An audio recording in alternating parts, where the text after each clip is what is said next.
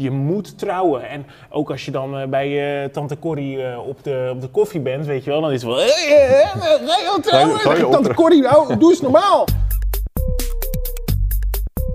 Hoi en welkom bij Denkstof. Elke aflevering bespreken wij een thema dat voor ons belangrijk is. En dat doe ik zoals altijd met huistheoloog Reinier Sonneveld. Eén probleem, Reinier is in geen zonnevelden of wegen te bekennen. Reinier, Hier ben ik. je zit in een boot. Ja, ja, dit is een, eh, een huwelijksbootje. See what you did there. Ja, eh, is dit weer zo'n geval dat jij voor alleen deze grap die hele boot hebt laten huren? Eigenlijk wel. We gaan het vandaag hebben over samenwonen versus Ja. trouwen. Eh, Ja. Ben jij getrouwd? Ja, zeker. Heb je ook een openingsdans gedaan? Eh, nee, en dat moet je mij ook echt niet laten doen. Ik denk Nou, dat, ik heb dat- een verrassing voor je. De dat floor op is alle tenen yours. van eh, mevrouw hebben gestaan. Dat, eh, Jij mag nu deze kant op komen, al openingsdansen. We gaan het hebben over trouwen versus samenwonen. Als jij opgegroeid bent in de kerk, als je naar de kerk gaat, dan ken je ongetwijfeld dit dilemma. We hebben het ook voorgelegd aan ons Beam panel, het Denkstof panel. En daar kwam het volgende uit. 69% van de jongeren zegt eh, samenwonen zonder dat je getrouwd bent mag niet van God. Oneens, dus dat mag eigenlijk wel. Mhm. En 31% zegt eh, eens, dat mag inderdaad niet. Je moet eerst trouwen en dan samenwonen. Eh, was dat voor jou een dilemma eigenlijk? Ja, we hebben er wel lang over nagedacht. Wij waren op het moment dat we trouwden niet lid van een kerk. We hebben ook een tijdje samen gewoond. Dus we hebben er wel echt actief voor gekozen op een gegeven moment om te trouwen. Dus voor mij is het ook geen kwestie van eh, moeten of mag niet of wat dan ook. Ik denk wel, ik, ik ben wel fan van trouwen. Dus elkaar beloven, ik blijf eeuwig bij je, dat, dat is echt iets heel moois. Dat is, ik kan me eigenlijk bijna niet iets moois voorstellen om, eh, om tegen elkaar te zeggen. Vind ik, ik Ja, vind het een beetje ongepast Ja, voor een werkrelatie, ja, maar eh, prima. Eh, laten we even kijken naar, naar de Bijbel, want maakt die een einde aan dit eeuwige dilemma? Voel je me aankomen? Ik was er al bang voor. De Bijbel gaat over God, hè? Dus de Bijbel gaat over heel veel onderwerpen niet. En dus ook niet over deze vraag, want dat speelt niet in de tijd van de Bijbel. Maar er staan wel wat dingen over in die, die eraan raken. Dus nou ja, laten, we, laten we dat lezen. Als iemand trouwt, is dat goed. Maar als iemand niet trouwt, is dat beter. Wat is dit nou weer voor cryptische eh, sneer? Het is eigenlijk een hele eh, soepele eh, redenering, hè? Dus het is niet zo van oei, foei, foei, foei. Dus hij is best wel gul. Wie is hij? Paulus hebben het over. Hij is zelf single en hij zegt ja, eigenlijk is het best om single te blijven, want dan heb je het meeste tijd om voor elkaar te zorgen, om met God bezig te zijn enzovoort. Dan ben je het meest vrij, zeg maar. Maar het is niet erg of zo als je gaat trouwen, want soms is dat best wel nuttig om te trouwen. En dan heeft hij het vooral over waar hij dan vooral aan denkt. Dat me- merk je elders in die tekst. eh, is dat dan de seks eigenlijk beter geregeld is, om het zo maar te zeggen. Dus het klinkt een beetje, een beetje technisch, om het maar zo te zeggen. Behoorlijk. Maar wat hij lijkt te bedoelen is op het moment dat je geen afspraken maakt over met wie je seks hebt eh, of aan wie je trouw blijft, dan wordt eh, alles met seks onveilig. Voor een deel voor de kinderen, want ja, van wie komen die kinderen dan, zeg maar, als, dat allemaal, als het allemaal maar onduidelijk is. En ik denk dat het ook heel erg gaat over emotionele veiligheid. Dus op het moment dat je elkaar trouw belooft, dan is het gewoon heel duidelijk, ik blijf bij elkaar en er is geen ander. En, en er, je wordt gewoon minder gekwetst dan. Oké, dat, dat kan ik nog volgen. Eh, je zegt net, eh, het speelde niet echt in die tijd. Was trouwen, bestond dat toen al? Ja, dus je ziet inderdaad in alle culturen is trouw een ding. En is ook eigenlijk het ding. Dus alle culturen, alle stammen, alle tijden zie je dat, er, dat mensen paren vormen. En, eh, en dan met de community, met de gemeenschap, dat vieren. En zeggen, ik, ik blijf altijd bij je tot mijn dood. Dus ja, dat past blijkbaar heel erg bij ons. Dus je hoort wel eens van, ja, de, mensen zijn eigenlijk niet monogaam, heet dat dan. En monogaam is dan een duur woord voor eh, dat je altijd bij dezelfde partner blijft. Als je het historisch be- eh, bekijkt, is dat wel zo. Dus het is blijkbaar iets wat heel erg bij ons past. Om te kiezen voor één partner en daar je leven lang bij te willen blijven. Dat willen we blijkbaar heel graag. Ja. Oké, dus eigenlijk is trouwen een soort veiligheidsnet. Zo van je kiest voor elkaar, dan dat is eigenlijk de meest veilige, het meest veilige scenario. Ook voor kinderen die kunnen opgroeien binnen dat, eh, in dat huwelijk, dus dat is veilig. En anders dan is het misschien allemaal wat minder goed geregeld. Is Ja. dat het enige? Want er wordt natuurlijk in de kerk, ik weet niet of jij dat herkent, ik weet niet of jij dat herkent, maar er wordt best wel heel erg zwaar aan getild, weet je wel. Er wordt echt zo van, Ja. je moet trouwen. En ook als je dan eh, bij eh, tante Corrie eh, op, de, op de koffie bent, weet je wel, dan is het wel, hey, je trouwen? je tante? Corrie, nou, doe eens normaal. Maar dat gebeurt toch de hele tijd? Ja, het ligt echt voor mij echt aan je sociale omgeving. Want ik heb dat niet zo meegemaakt. Nou, je zou tante Corrie eens moeten ontmoeten. Ja, die tante Corrie is al iemand, hè? en ik kan me inderdaad voorstellen dat in sommige kerkelijke omgevingen dat, dat er sociale druk is. Mhm.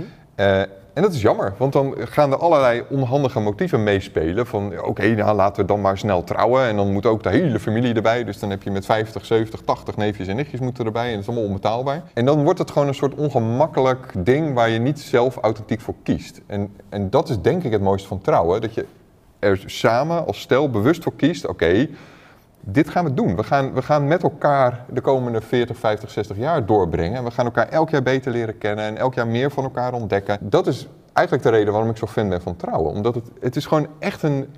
Ja, het, het voelt een beetje als maximaal leven, zal ik maar zeggen. Het is zo'n zo'n buitenkans om, om één uh, persoon in je leven, om daar vol voor te gaan, om die helemaal te leren kennen. Dat is echt iets, dat is unieks. Het is het grootste en het mooiste wat je tegen elkaar kunt zeggen. En het is echt een cadeau aan elkaar om dat te zeggen.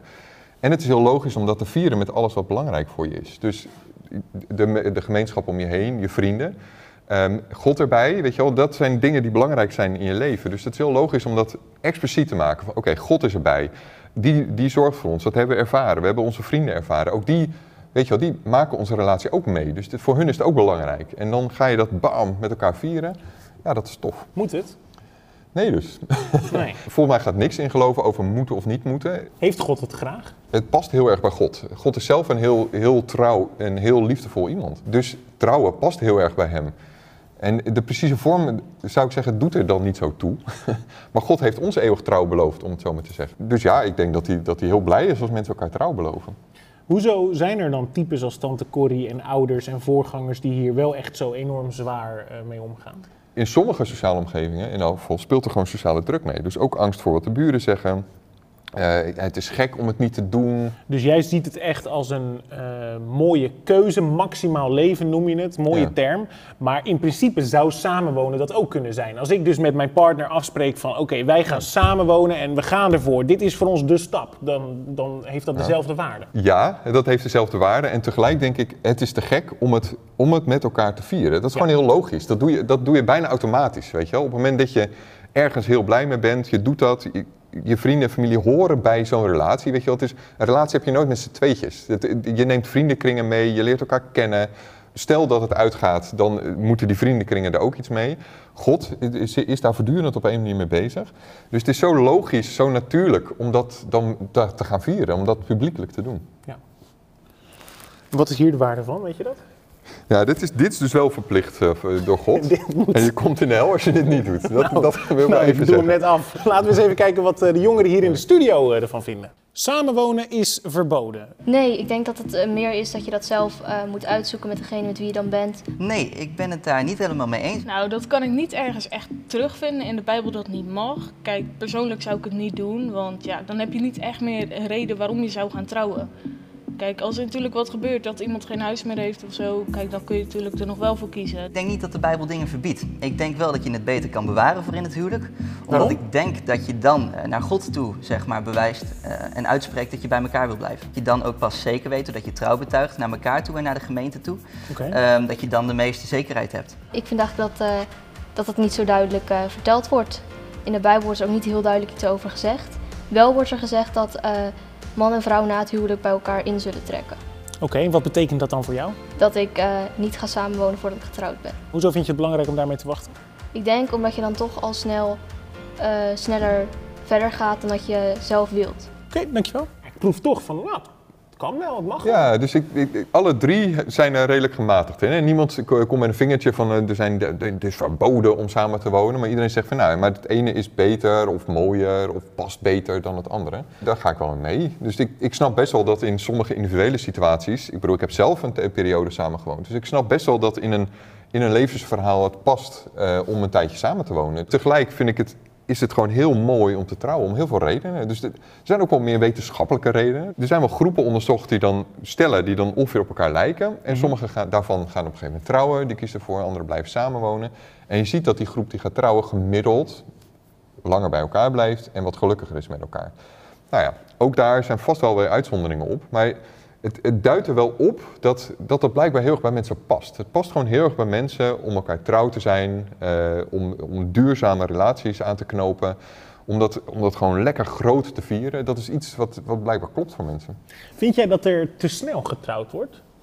in Ja. christelijke kringen? Nou, wat ik regelmatig hoor is mensen die dan eh, de 22, 23, 24, 25 zijn en trouwen, die daarop terugkijken als een, als een best wel verschrikkelijke dag. Dat hoor ik echt regelmatig, ja.